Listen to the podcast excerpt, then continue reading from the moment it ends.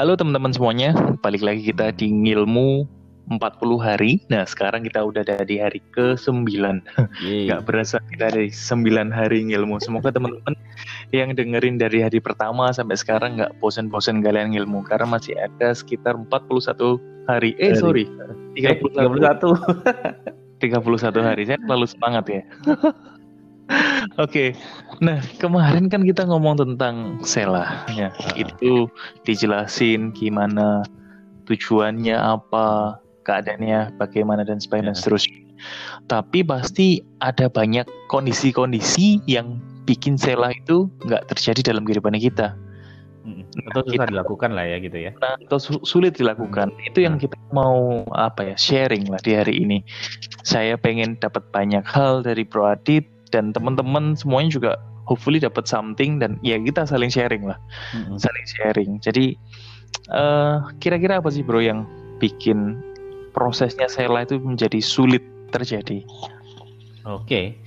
uh, eh, uh, refresh sedikit ya karena mm-hmm. karena Sela itu bukan satu uh, aktivitas atau kondisi kayak liburan dan lain sebagainya gitu ya. Hmm. Jadi okay. uh, tapi lebih ke state of mind. Yang satu uh, yang menghalangi kurang duit itu bukan bukan halangan.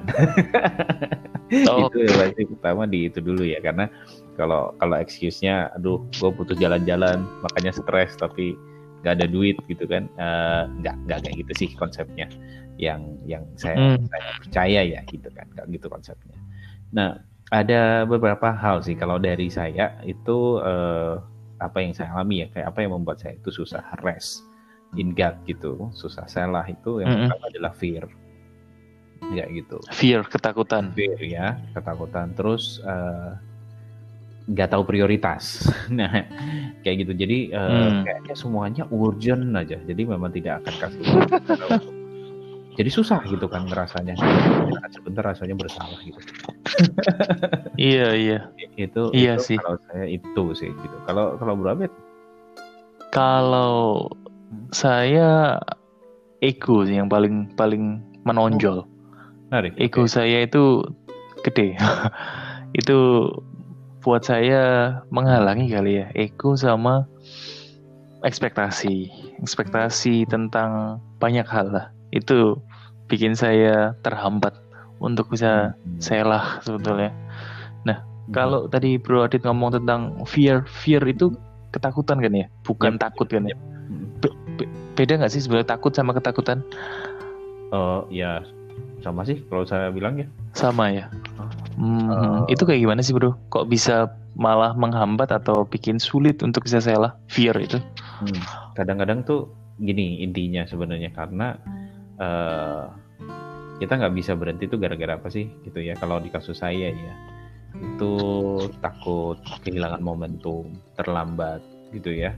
Mengambil kesempatan hmm. mengambil peluang atau mengambil keputusan misalnya seperti itu. Uh, selalu dihantui rasa seperti itu. Jadi fearnya gede banget gitu. Kalau ini nggak segera segera ini kalau nggak saya lakukan ini kalau nggak saya pikirkan gitu ya kadang-kadang ya. Uh, hmm, hmm. Karena nggak terlalu aktivitas juga sih sebenarnya sibuk itu di pikiran sibuk itu juga bisa gitu kan. Uh, takut nggak ada jalan keluar jadi mikir terus dan lain sebagainya. Nah itu sih yang membuat saya agak agak sus, jadi jadi susah susah res kasusnya ya. Karena okay. uh, eh, apa namanya ya karena mengandalkan diri sendiri lebih tepatnya terus mikir kayak kalau kalau ini miss ya nggak tahu kapan lagi nya gitu kan eh, nggak uh, tahu kapan hmm. lagi mungkin nggak mungkin mungkin saya menyanyiakan dan bahkan kadang-kadang tuh situasi apa namanya alasannya rohani sekali. Jadi kayak wah ini nanti contohnya gimana ini sudah dibukakan pintu sama Tuhan gitu. Kalau saya tidak merespon itu saya berdosa gitu. Kadang-kadang gitu. Itu trikinya hmm. pikiran saya ya gitu ya. Itu itu itu, itu kayak gitu.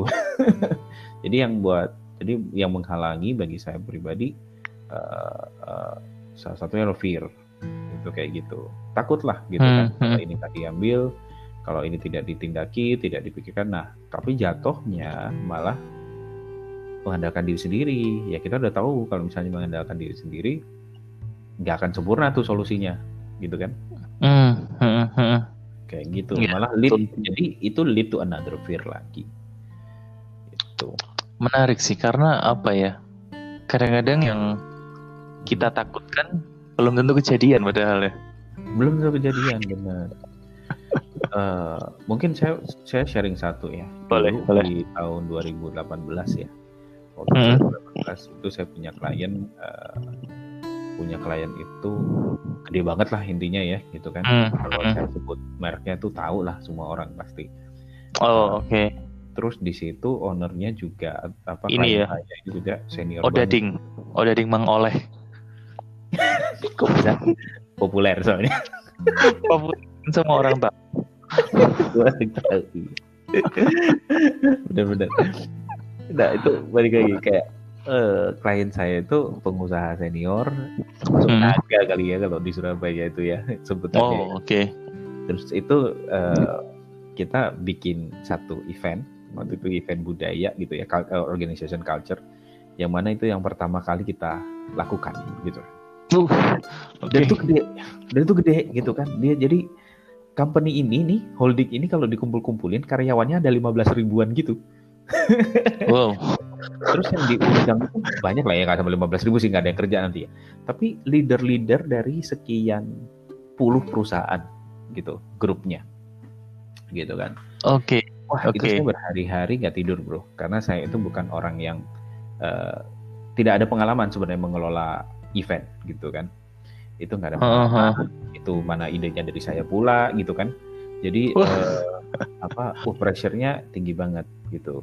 Nah, mm -mm tapi tepat tepat dua hari sebelum saya itu udah nggak tidur beberapa hari dua dua tiga hari gantian gitu cuman kayak hmm. bisa nggak tidur bisa cuma dua jam kayak gitu ya uh, tepat dua hari sebelum acara itu uh, sambil saya harus mikir kayak ini banyak yang harus kerjain ini itu dan lain sebagainya tiba-tiba saya diingatkan waktu itu lagi dengerin lagu rohani gitu kan eh menurut kamu ya gitu uh, ini impresi dalam hati saya. Menurut kamu yang kasih kerjaan apa kerjaan ini ke kamu itu siapa? Gitu kan? Klienmu hmm. itu atau Tuhan? Gitu. Saya pikir, oke, okay. ya Tuhan lah gitu kan. ya udah, berarti bosnya siapa? Gitu. Ya Tuhan, yang bawa oh. kamu ke situ siapa? Tuhan. Ya udah lu udah punya orang dalam, istilahnya gitu. gitu itu kayak gitu. Nah, Kok sekarang kamu takut kalau kamu tidak akan dalam tanda kutip menyenangkan hati klienmu itu? Yang harusnya kamu takutkan adalah kalau pekerjaan ini tidak menyenangkan Tuhan. Gitu. Nah, ketika hmm. kamu lupa bahwa salah fokus gitu kan, itu kamu sudah mulai tidak menyenangkan Tuhan yang mana dia yang memberikan pekerjaan yang the real bossnya. Gitu. Mm -hmm. Saya waktu itu langsung kayak yang berdoa sih, sorry Tuhan, aku nggak mau gitu, I will saya saya saya saya, saya salah gitu kan. Saya mau rest. Hmm. Saya mau berserah. Oke. Okay. Saya mau rest, Tuhan yang kasih saya kesempatan, pasti Tuhan yang akan menyertai. Udah gitu. And turns out uh, waktu pas acara gitu ya, pas kegiatan itu beneran dong kejadian beberapa kesalahan. Uh. Oh beneran? Dong kejadian kesalahan. Tapi guess what? Waktu acara telah berakhir, terus saya ketemu saya tiba-tiba dihampiri sama klien saya itu. Toto dia hmm. ngomong apa? Uh, gimana Pak Adit acaranya? Oke okay ya. Tuh dia tidak membahas padahal dia biasanya tuh peka dengan yang kayak gitu-gitu yang salah-salah itu peka banget. Dia tidak membahas itu. Oke okay ya. Ya bagus ini. Nanti tahun depan kita bisa buat lagi yang lebih bagus. Gitu. Rubek tadi yang miss itu kok nggak dibahas ya ajaib ya hmm. itu saya baru padahal ya, saya itu sesuatu yang apa ya mencolok seharusnya harusnya mencolok gitu tapi tertutupi karena gitu, gitu. beberapa hari sebelumnya si big bossnya yang intervensi Iya, coba waktu Keren. itu ya bro, benar salah susah banget itu saya kalau mau mau rest karena kerjaannya masih uh, masih ada banyak yang harus deadline deadline. Hmm. itu notifikasi bunyi terus orang oh tanya ini tanya itu dan segala macam. Sampai saya tidur aja merasa bersalah karena ada yang nggak belum karena sampai uh, sedikit tidurnya. Oh. ternyata malah pas kayak gitu disuruh untuk rest. rest.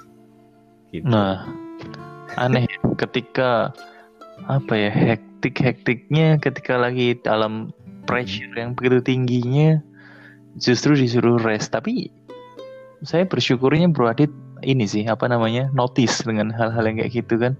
Hmm. kalau Bro Adit nggak hiraukan itu ya apa sih gitu. Bisa jadi kayak tahu-tahu kolaps kali ya di hari hanya justru iya. Bisa jadi. Itu saya udah udah keliangan pulang tuh langsung tidur saya saya ingat satu hal sih yang waktu beberapa waktu ini ketemu sama Bro Adit. Bro Adit cerita tentang uh, Pak RT di komplek perumahannya Bro Adit yang meninggal. Itu juga mungkin dia sebetulnya sudah diintervensi sama Tuhan dengan keadaan oh, kondisi iya nggak ngeh gitu ya. Maksudnya oh, ini ini, ini ceritanya teman-teman nggak cerita nggak tahu tuh ceritanya ya. Kan itu. Oke. Okay. Jadi Pak RT saya itu uh, apa namanya suka bersepeda teman-teman. Sebelum bersepeda itu keren sekarang gitu ya. Dia tuh udah suka sepedaan gitu kan. Uh, apa namanya mantan pejabat juga lah gitu kan. Nah terus uh, apa namanya uh, sepedanya mahal teman-teman. Nah terus satu hari itu ternyata ini saya tahunya juga ketika beliau setelah meninggal ya gitu. Jadi beberapa hari sebelum dia meninggal itu sepedanya hilang. Padahal rumahnya dia itu cuman hampir gini nih, ini ini ini pos satpam nih gitu kan. Terus depannya ada rumah. Hmm. Nah, sebelahnya tuh rumahnya dia. Hmm. Ya kan? Oke, okay, deket, deket ya? banget kan sama pos. deket banget gitu. Nah, terus sepedanya hilang dong gitu kan. Dan waktu itu CCTV-nya memang nggak sebanyak sekarang lah itu uh, uh-huh. Nggak jelas lah siapa yang ngambil dan lain sebagainya. Oke. Okay. Oke, okay, sudah hilang. Uh, dia beli lagi, beli lagi sepedanya. terus dia beli lagi sepedanya. Uh, dia uh, terus akhirnya seminggu setelah itu, kalau nggak uh, kurang lebih ya, dia sepedaan di suatu pagi dan kelelahan di tengah jalan mengalami serangan jantung.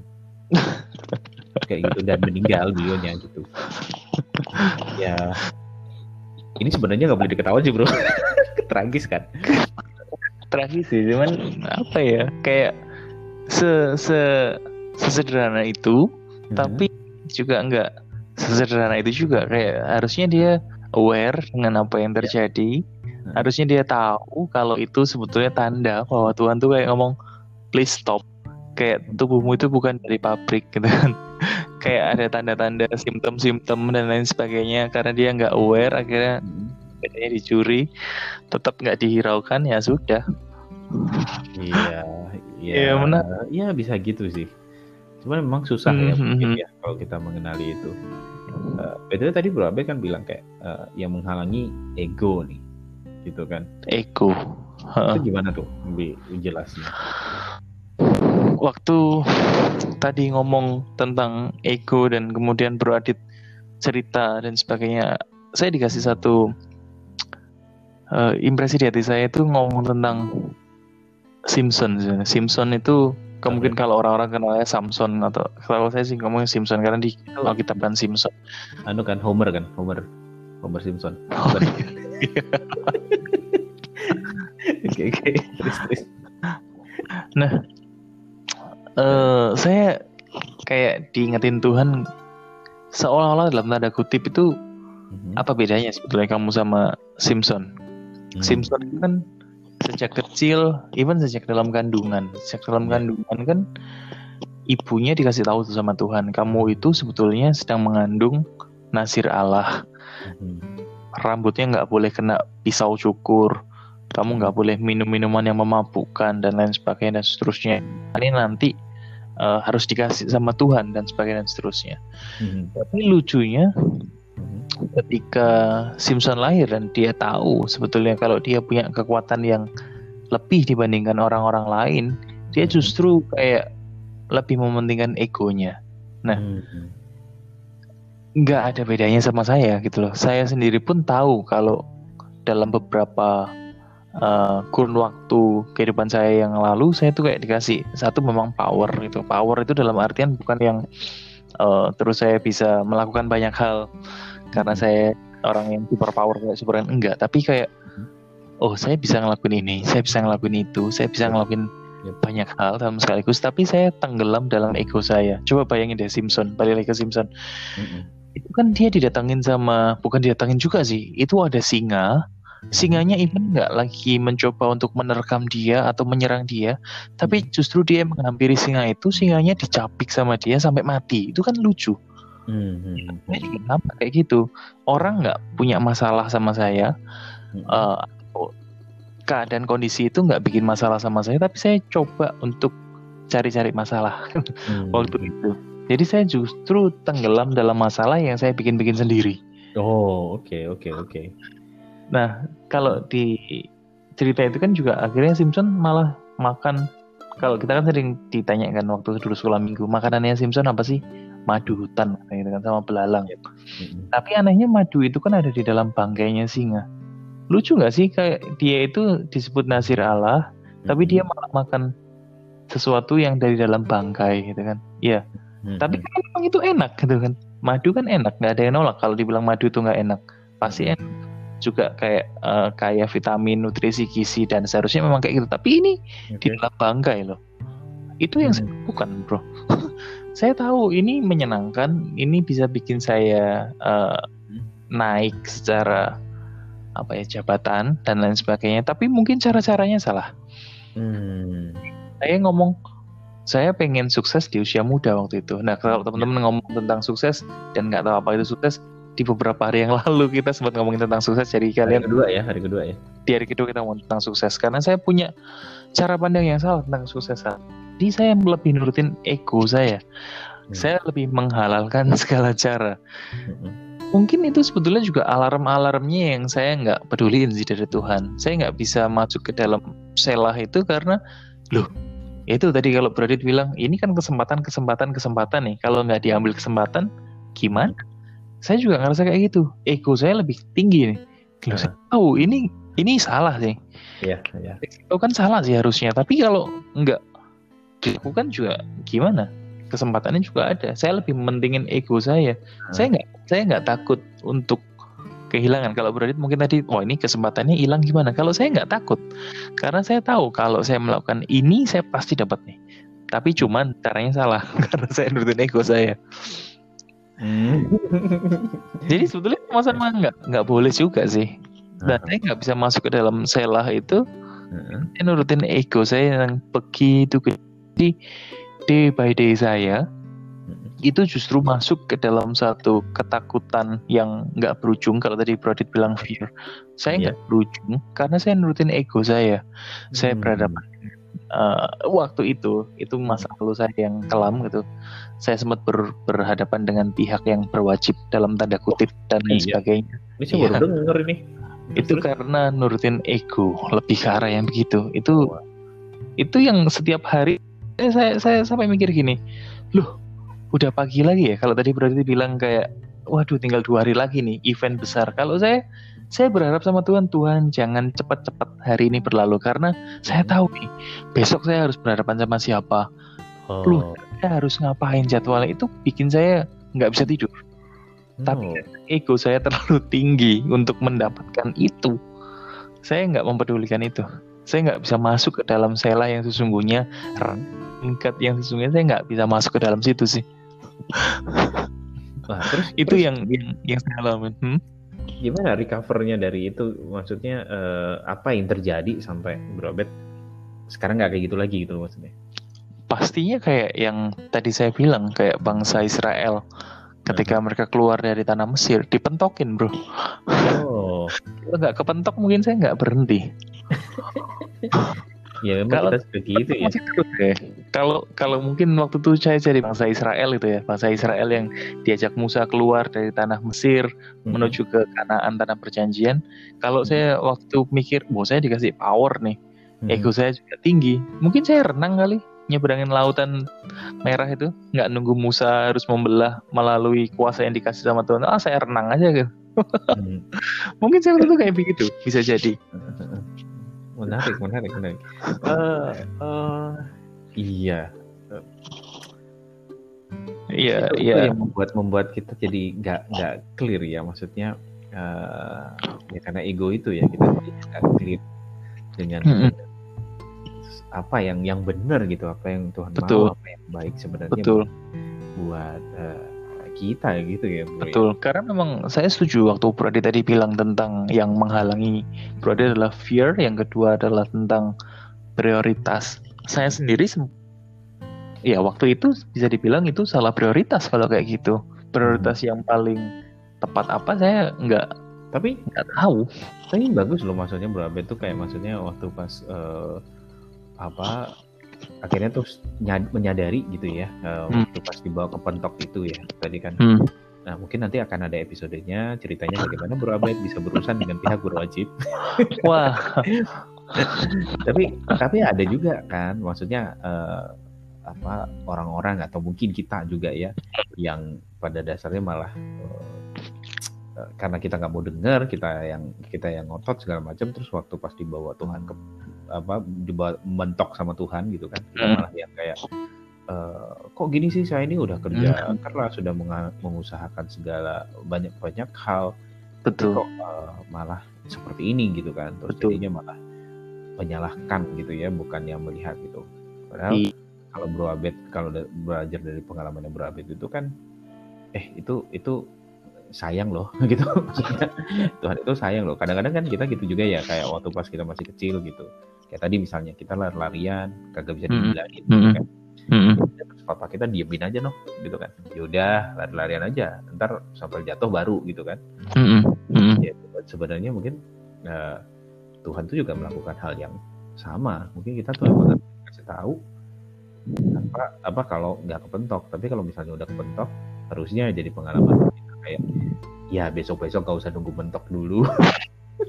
Karena saya sendiri punya yang itu yang tadi saya bilang yang kedua ekspektasi. Hmm. ekspektasi saya salah gitu loh. Oke. Okay. karena kalau yang tadi ngomong tentang Israel keluar dari tanah Mesir kan kita tahu ketika hmm. keluar dari tanah Mesir hmm. bangsa Israel ini kan minta semua perhiasan dan ya semua harta bendanya orang-orang. Eh dikasih bro. Bukan dikasih. loh. Dikasih loh. Orang Mesir ngasih ya nah sih soalnya mereka takut nanti kalau nggak begitu kutubnya masih ada gitu. Sekarang bayangin deh, Bro Adit tahu-tahu di satu waktu, di satu poin, Bro Adit udah kerja keras, terus dikasih nih sama sama atasan atau sama kantor gitu atau teman-teman yang mungkin usaha gitu ya mm-hmm. kayak melakukan sesuatu bikin proposal melakukan ini itu riset dan sebagainya terus tahu-tahu dikasih nih something gitu yang mungkin selama ini nggak pernah kepikir ya terus dikasih tapi anehnya ya. ketika sedang dalam perjalanan nyampe di pinggir laut kepentok nih hmm. terus dikejar sama orang-orang Mesir pikirannya pasti gini aku pengen cepet-cepet melalui laut ini supaya nanti di seberang laut ini entah di tanah perjanjian atau di mana pun aku bisa nih pakai harta benda yang dikasih bisa. Baru bisa bikin ini bisa bikin itu. Nah itu yang saya pernah kayak begitu. Aku pengen nih punya uh, pencapaian posisi yang tadi saya bilang karena ikut saya. Karena saya tahu ketika saya dapat itu duitnya banyak. Hmm, hmm, kenapa hmm. dapat duit banyak saya mau melakukan ini itu mau beli ini mau beli itu dan sebagainya. Ekspektasi saya itu kayak begitu.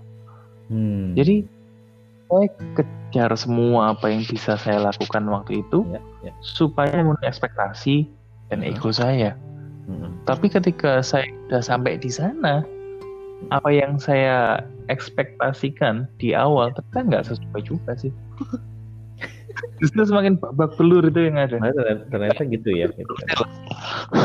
tapi itu ada kalau kita ngomongin ekspektasi uh, kalau tadi kasusnya si bangsa Israel tuh hmm. kalau kalau di mereka ini kan malah malah bersungut-sungut lah. Lah malah kamu ini lah kita dibawa mendingan kemarin kita di Mesir gitu kan. Bisa kita, makan. belum makan. Nah ini kan mm -hmm. kita mau dibunuh malahan gitu kan. Mendingan balik aja kan ada yang ngomong gitu kan. Betul nah, betul. itu juga sih kalau kita nggak nggak bisa selah gitu ya uh, waktu pas kita di dalam ke di dalam apa namanya setuju sih. sesakan dan segala macam kita akan mikir kayak kembali lagi padahal uh, kembali yang ke sebelumnya padahal ada satu visi baru ada tujuan Tuhan buat kita gitu kan. Cuman mm -hmm. simply karena kita nggak mau duduk diem denger kita udah kayak wah salah nih kayaknya gue kudu balik aja deh. Bisa jadi gitu kan. Betul. Uh, terus malah merasa karena mereka malah merasa kayak kayaknya kan dikerjain Tuhan ya. Udah jauh-jauh sini terus saya mati juga. Yes yes yes. Nah kalau Bro Adi tadi ngomong tentang prioritas prioritas yang kayak gimana bro? Yang justru menghalang masuk ke dalam apa namanya Selah. istirahat dalam Tuhan selah itu. Uh, gini sih dulu kalau kalau prioritas itu gini simply uh, merasa semuanya itu penting atau semuanya itu urgent. Hmm. Semuanya kudu dikerjain nggak ada waktu dan lain sebagainya padahal uh, ketika semuanya itu semuanya itu urgent berarti nggak ada yang urgent Hmm. Hmm. Iya iya iya. Everything is urgent. Dan skalanya sepuluh semua gitu ya. Ya sepuluh semua. Padahal ya mestinya enggak. Kita bisa kok milih gitu kan. Hmm. Ya. Mungkin karena itu kita ngomong tadi ada momentum dan lain sebagainya, ada kesempatan okay. gitu ya. Harus semuanya kerjain enggak. Uh, dan dan saya juga belajar gitu kan. Enggak di semua hal kita tuh harus jadi pentolannya gitu. Oh, oke. Okay jadi misalnya gini, kadang-kadang misalnya Tuhan bukakan satu kesempatan kayak gitu dan segala macam di saat kita lagi lagi melakukan yang lain dan segala. Kalau dulu saya maunya semuanya saya harus yang uh, jadi pentolannya harus jadi top. Gitu. Uh, tapi sekarang enggak lah ngapain gitu. Orang tangan saya terbatas, pikiran saya juga iya sih. Atau ini gitu kan.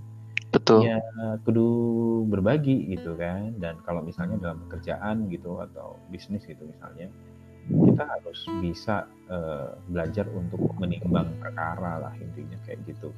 Mm-hmm. Mana sih yang harus disegerakan, mana yang enggak dan lain sebagainya gitu ya. Uh, apa namanya?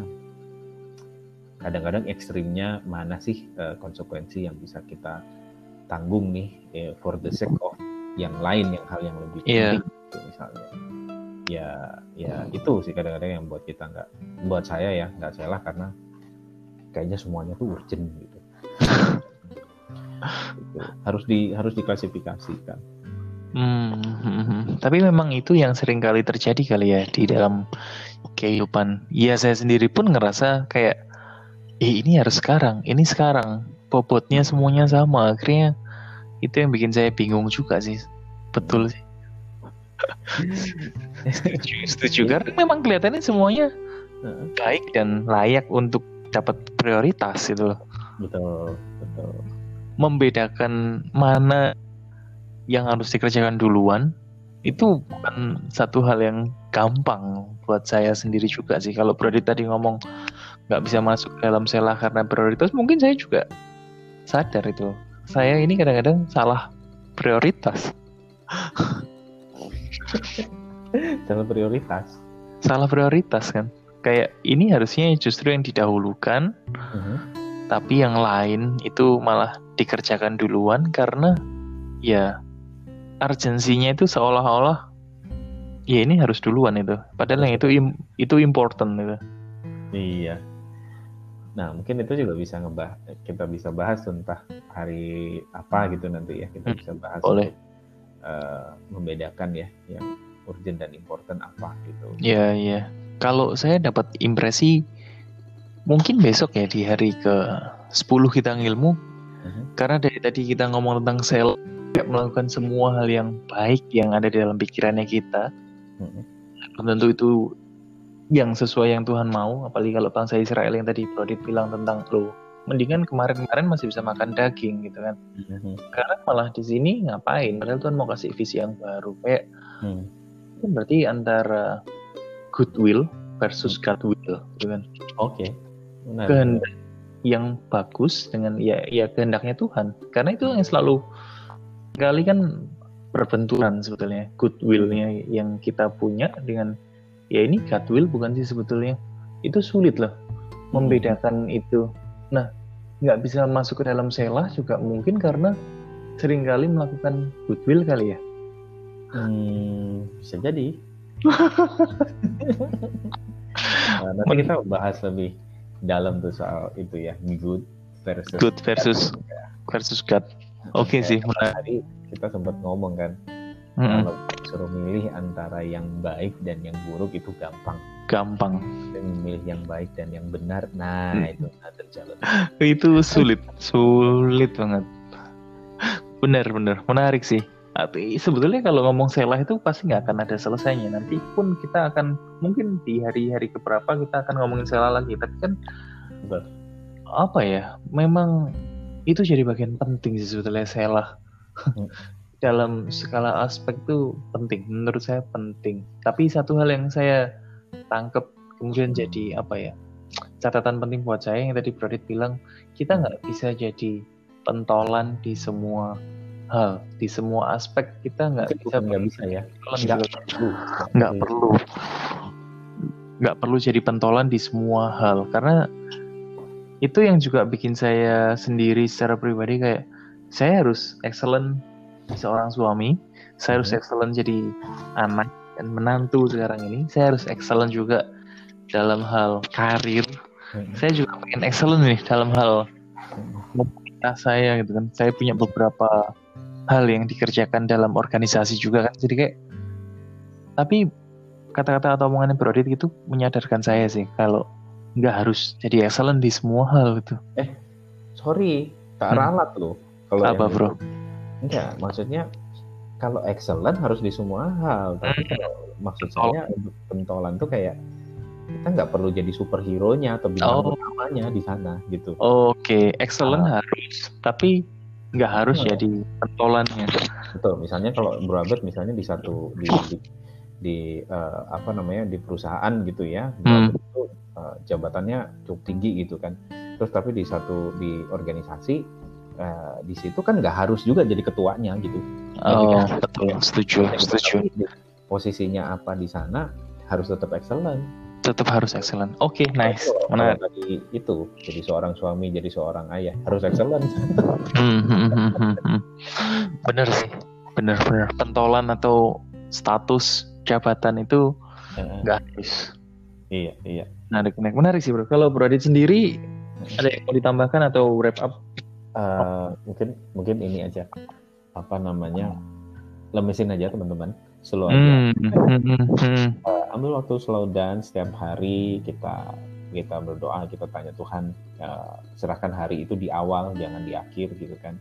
Untuk hmm. gitu kan. Dan uh, rest aja di Tuhan. Karena uh, ya udah kita udah menyerahkan itu kita sudah berjalan sama Tuhan. Nah siapa pemimpin yang lebih baik? Siapa penjaga yang lebih baik? Kan intinya itu terus yang uh, berikutnya adalah kita uh, mungkin saya mau ngambil ini juga ya kayak eh, kami bikin ilmu ini juga eh, apa namanya untuk menemani waktu-waktu teman-teman lagi salah juga gitu ya. ya betul. Eh, take time, misalnya pas pulang kerja nyantai atau mau tidur gitu kan.